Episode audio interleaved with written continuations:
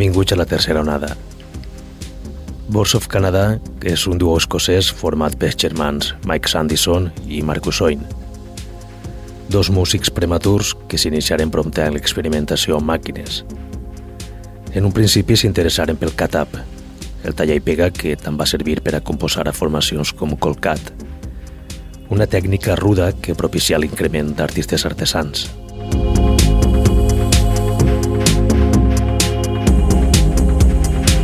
Boards of Canada és un projecte que va néixer primerament com una banda amb diversos components de la que Sandison formava part. En 1986 es va incorporar Marcus i en 1989 la resta ja havien abandonat el grup. Però Mike i Marcus mantingueren el projecte i durant la primera meitat de la dècada dels 90 anaren agarrant forma amb alguna actuació i col·laboració amb Hexagon Sun un important col·lectiu artístic escocès i que, a més, va donar nom als estudis de Boss of Canada i va aparèixer en títols de temes com Turkish Hexagon Sun i Orange Hexagon Sun.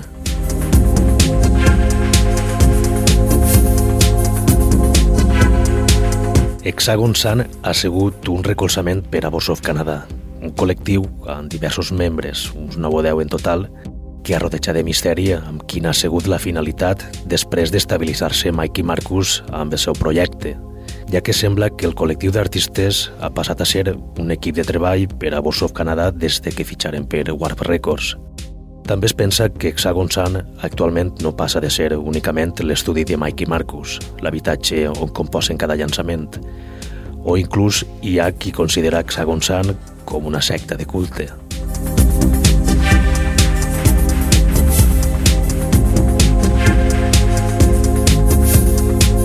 El primer treball creat per Bossov Canadà des del seu estudi, ja anomenat Hexagon Sun, es va publicar en 1995. Un any abans ja havíem debutat amb Play by Numbers, una referència carregada també de misteri, ja que si es van comercialitzar les còpies estan només en mans d'una minoria. Hi ha qui diu que si no estan a l'abast del públic és perquè no estem preparats per escoltar-ho.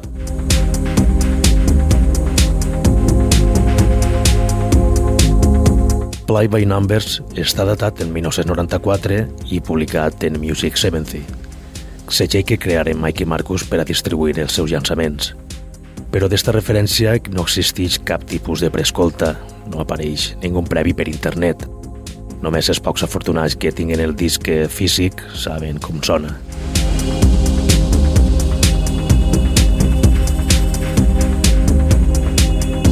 En Music 70 firmaren en 1995 Twism, un àlbum que set anys després es reeditaria, però eixiria publicat en Warp Records, on ja eren uns habituals i a més es donaria més difusió a este primer treball.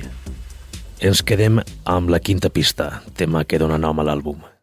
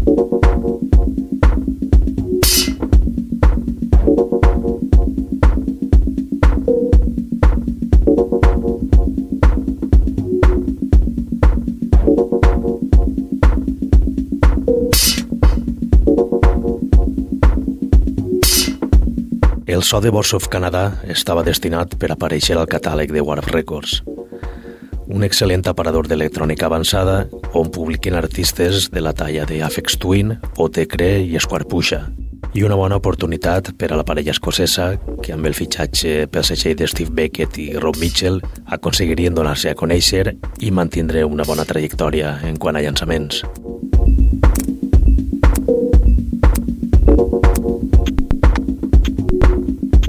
1998 entrarien a formar part d'esta gran plataforma amb un senzill anomenat Bill Session i amb l'àlbum Music Has the Right to Children, possiblement la referència més important en la carrera de Boss of Canada.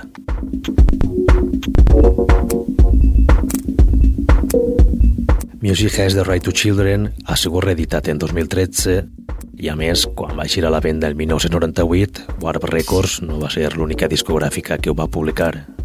També es va publicar Scam, setxell de Manchester, on un parell d'anys abans ja havien publicat un senzill anomenat High Scores.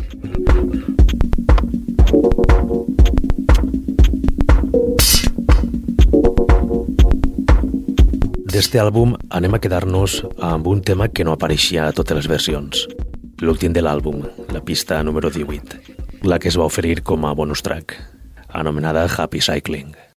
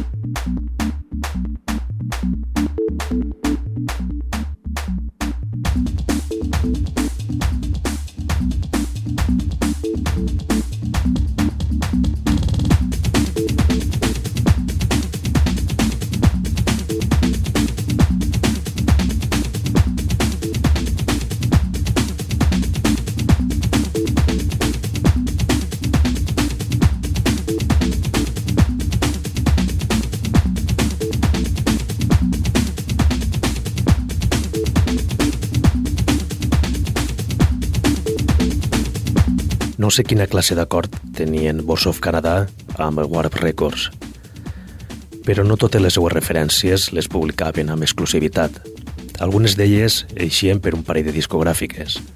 Com he comentat abans, amb Music Has the Right to Children, que a més de Warp Records també va eixir per una altra plataforma com és Scam. Este modus operandi seria una tònica amb els llançaments d'esta formació. Des de l'any 2000, quasi la totalitat dels treballs de Boss of Canadà es publicaria a Warp Records una exclusivitat que en la majoria d'entregues compartiria a Music Seventy, el seu propi setxell.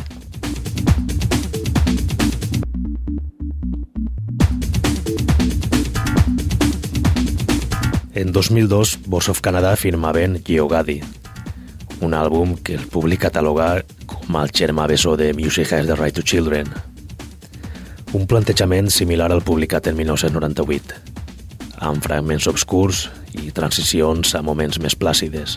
I, per suposat, amb un to d'humanitat on contínuament s'aprecia de fons el calor de la gent.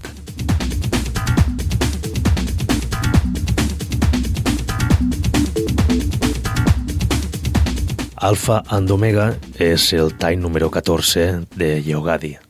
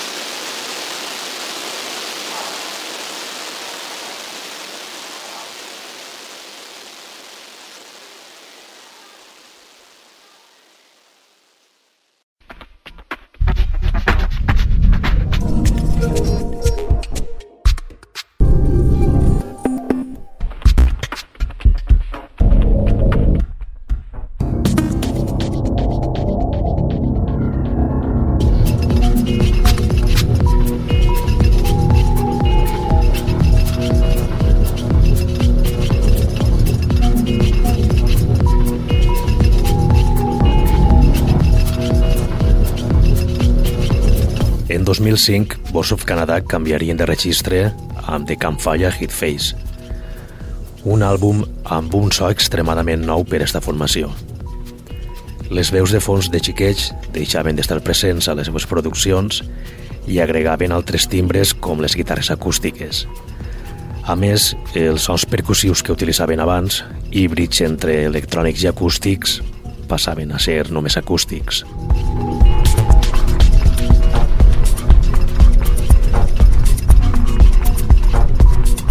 Sonoritats més càlides que amb Music Has the Right to Children i Yeogadi. Canvis més subtils i una progressió més pausada. Un treball que per al seu públic més fidel no va resultar tan sorprenent com els anteriors. Eixa falta d'expressió obscura i sons electrònics s'allunyava molt de la marca d'esta parella escocesa. L'electrònica avançada donava pas a l'ambient i molts dels seus seguidors no ho van canalitzar massa bé.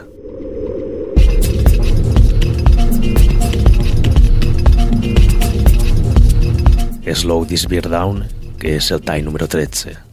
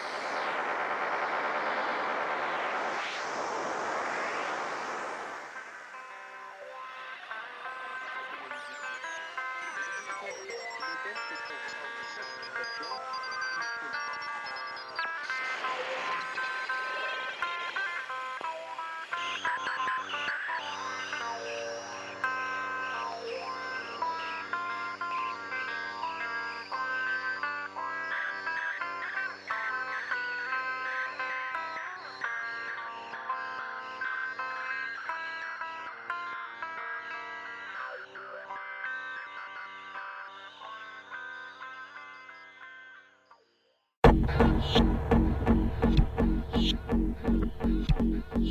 you.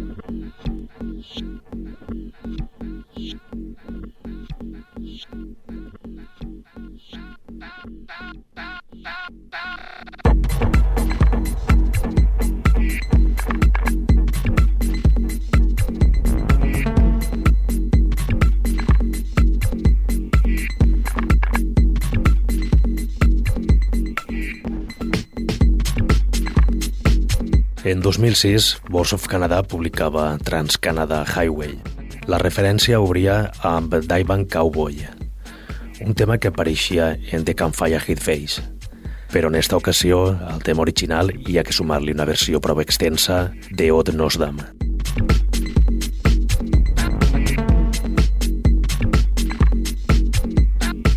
Trans-Canada Highway va ser un revulsiu per al públic més proper de Voice of Canada, molts d'ells no estaven massa contents amb el resultat de The Campfire Hit Face i trobaven a faltar eixa expressió més experimental i menys acústica.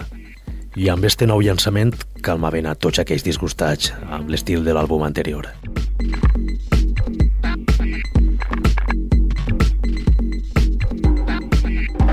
Tornem als orígens i ho fem amb Skyliner, quart any de Trans-Canada Highway.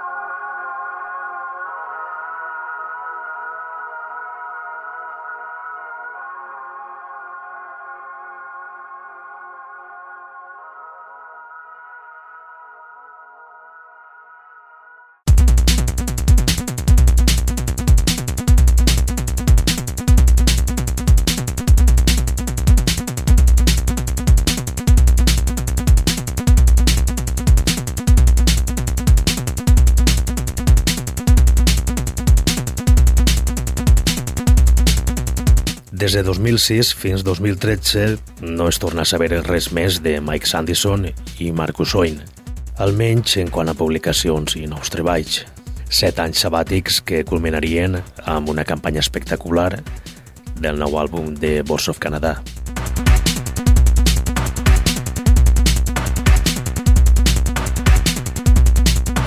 En un esdeveniment anual que celebra a Nova York, anomenat Record Store Day, va aparèixer un vinil que contenia un xicotet fragment que mos donaren per sentat que era de Boss of Canadà i que havia eixit d'una tenda de discos d'esta ciutat anomenada Other Music. Poc després, Warp Records va autentificar la gravació. El títol de la gravació era Sis espais i en cada un d'ells cabien sis números – i en un d'eixos espais hi havia 6 Tota la pinta de ser una contrasenya. A més, el fragment d'àudio contenia una veu amb sis xifres, així que ja hi havia un dels espais desbloquejat, un xoc que en realitat revelava la promoció de l'àlbum.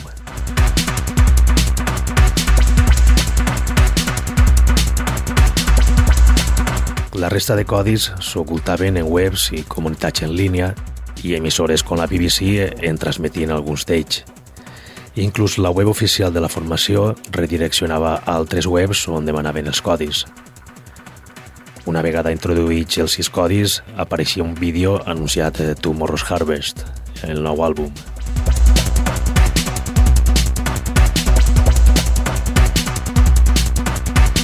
Una promoció un poc massa elaborada que va mantenir els fans actius i amb gana de rebre el llançament anem a escoltar el quart tall, Jaguar Casway, ambient amb clips distorsionats, un gran treball de Boss of Canada.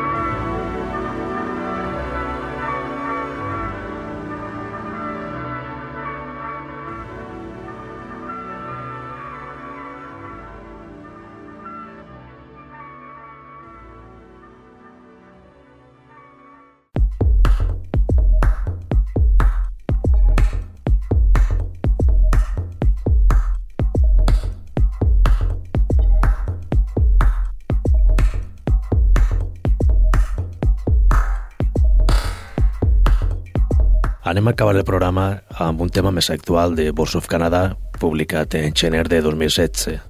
Una raresa de la parella escocesa que versionen al grup nord-americà Neverman.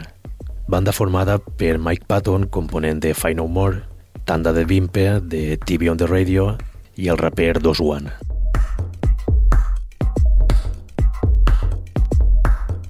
Este remix apareix publicat un parell de setmanes abans de l'àlbum amb què debutaven com a Neverman. És la tornada de Mike Marcus tres anys després de l'última publicació. I després de quasi una dècada és el primer remix de Boss of Canada. L'últim remix d'esta parella havia sigut Good Friday en 2007, versió que feien a Hawaii, projecte de Johnny Wolf. Acabem amb este remix, la versió que fa Boss of Canada de Mr. Mistake.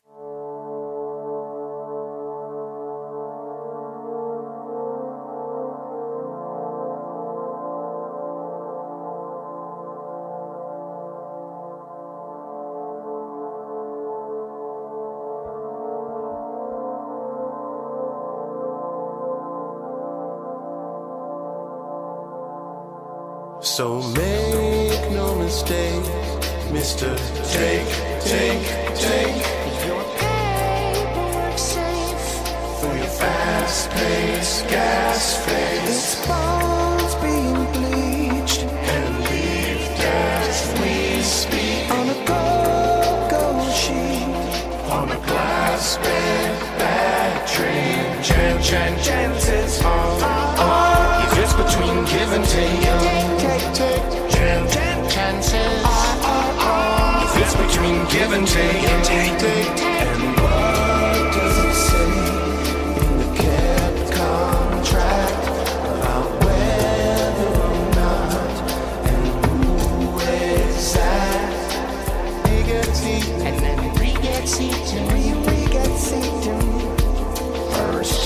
That's all subject to change. Review religion, false step, God's king's press, death, death, or splinter, or nuclear winter. Chan, chan, chances are, if it's between give and take, Take, take, chan, chan, chances are, if it's between give and take, take, take, chan, chan, chances are, if it's between give and take,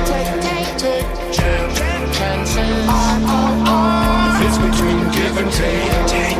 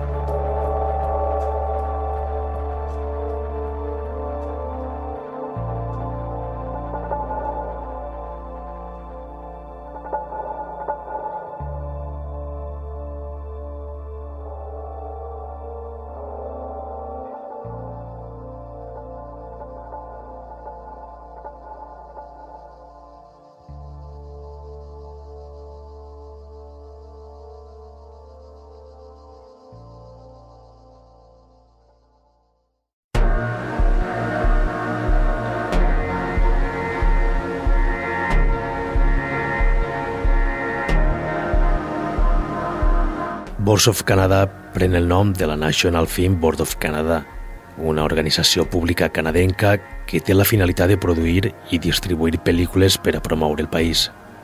Marcus i Mike eren uns grans apassionats d'aquesta institució. Arribaren a samplejar mostres d'aquestes pel·lícules i posteriorment utilitzaren en alguns temes. Fins així, esta edició dedicada a esta parella de genis. Salutacions de Ximo Noguera i fins la pròxima.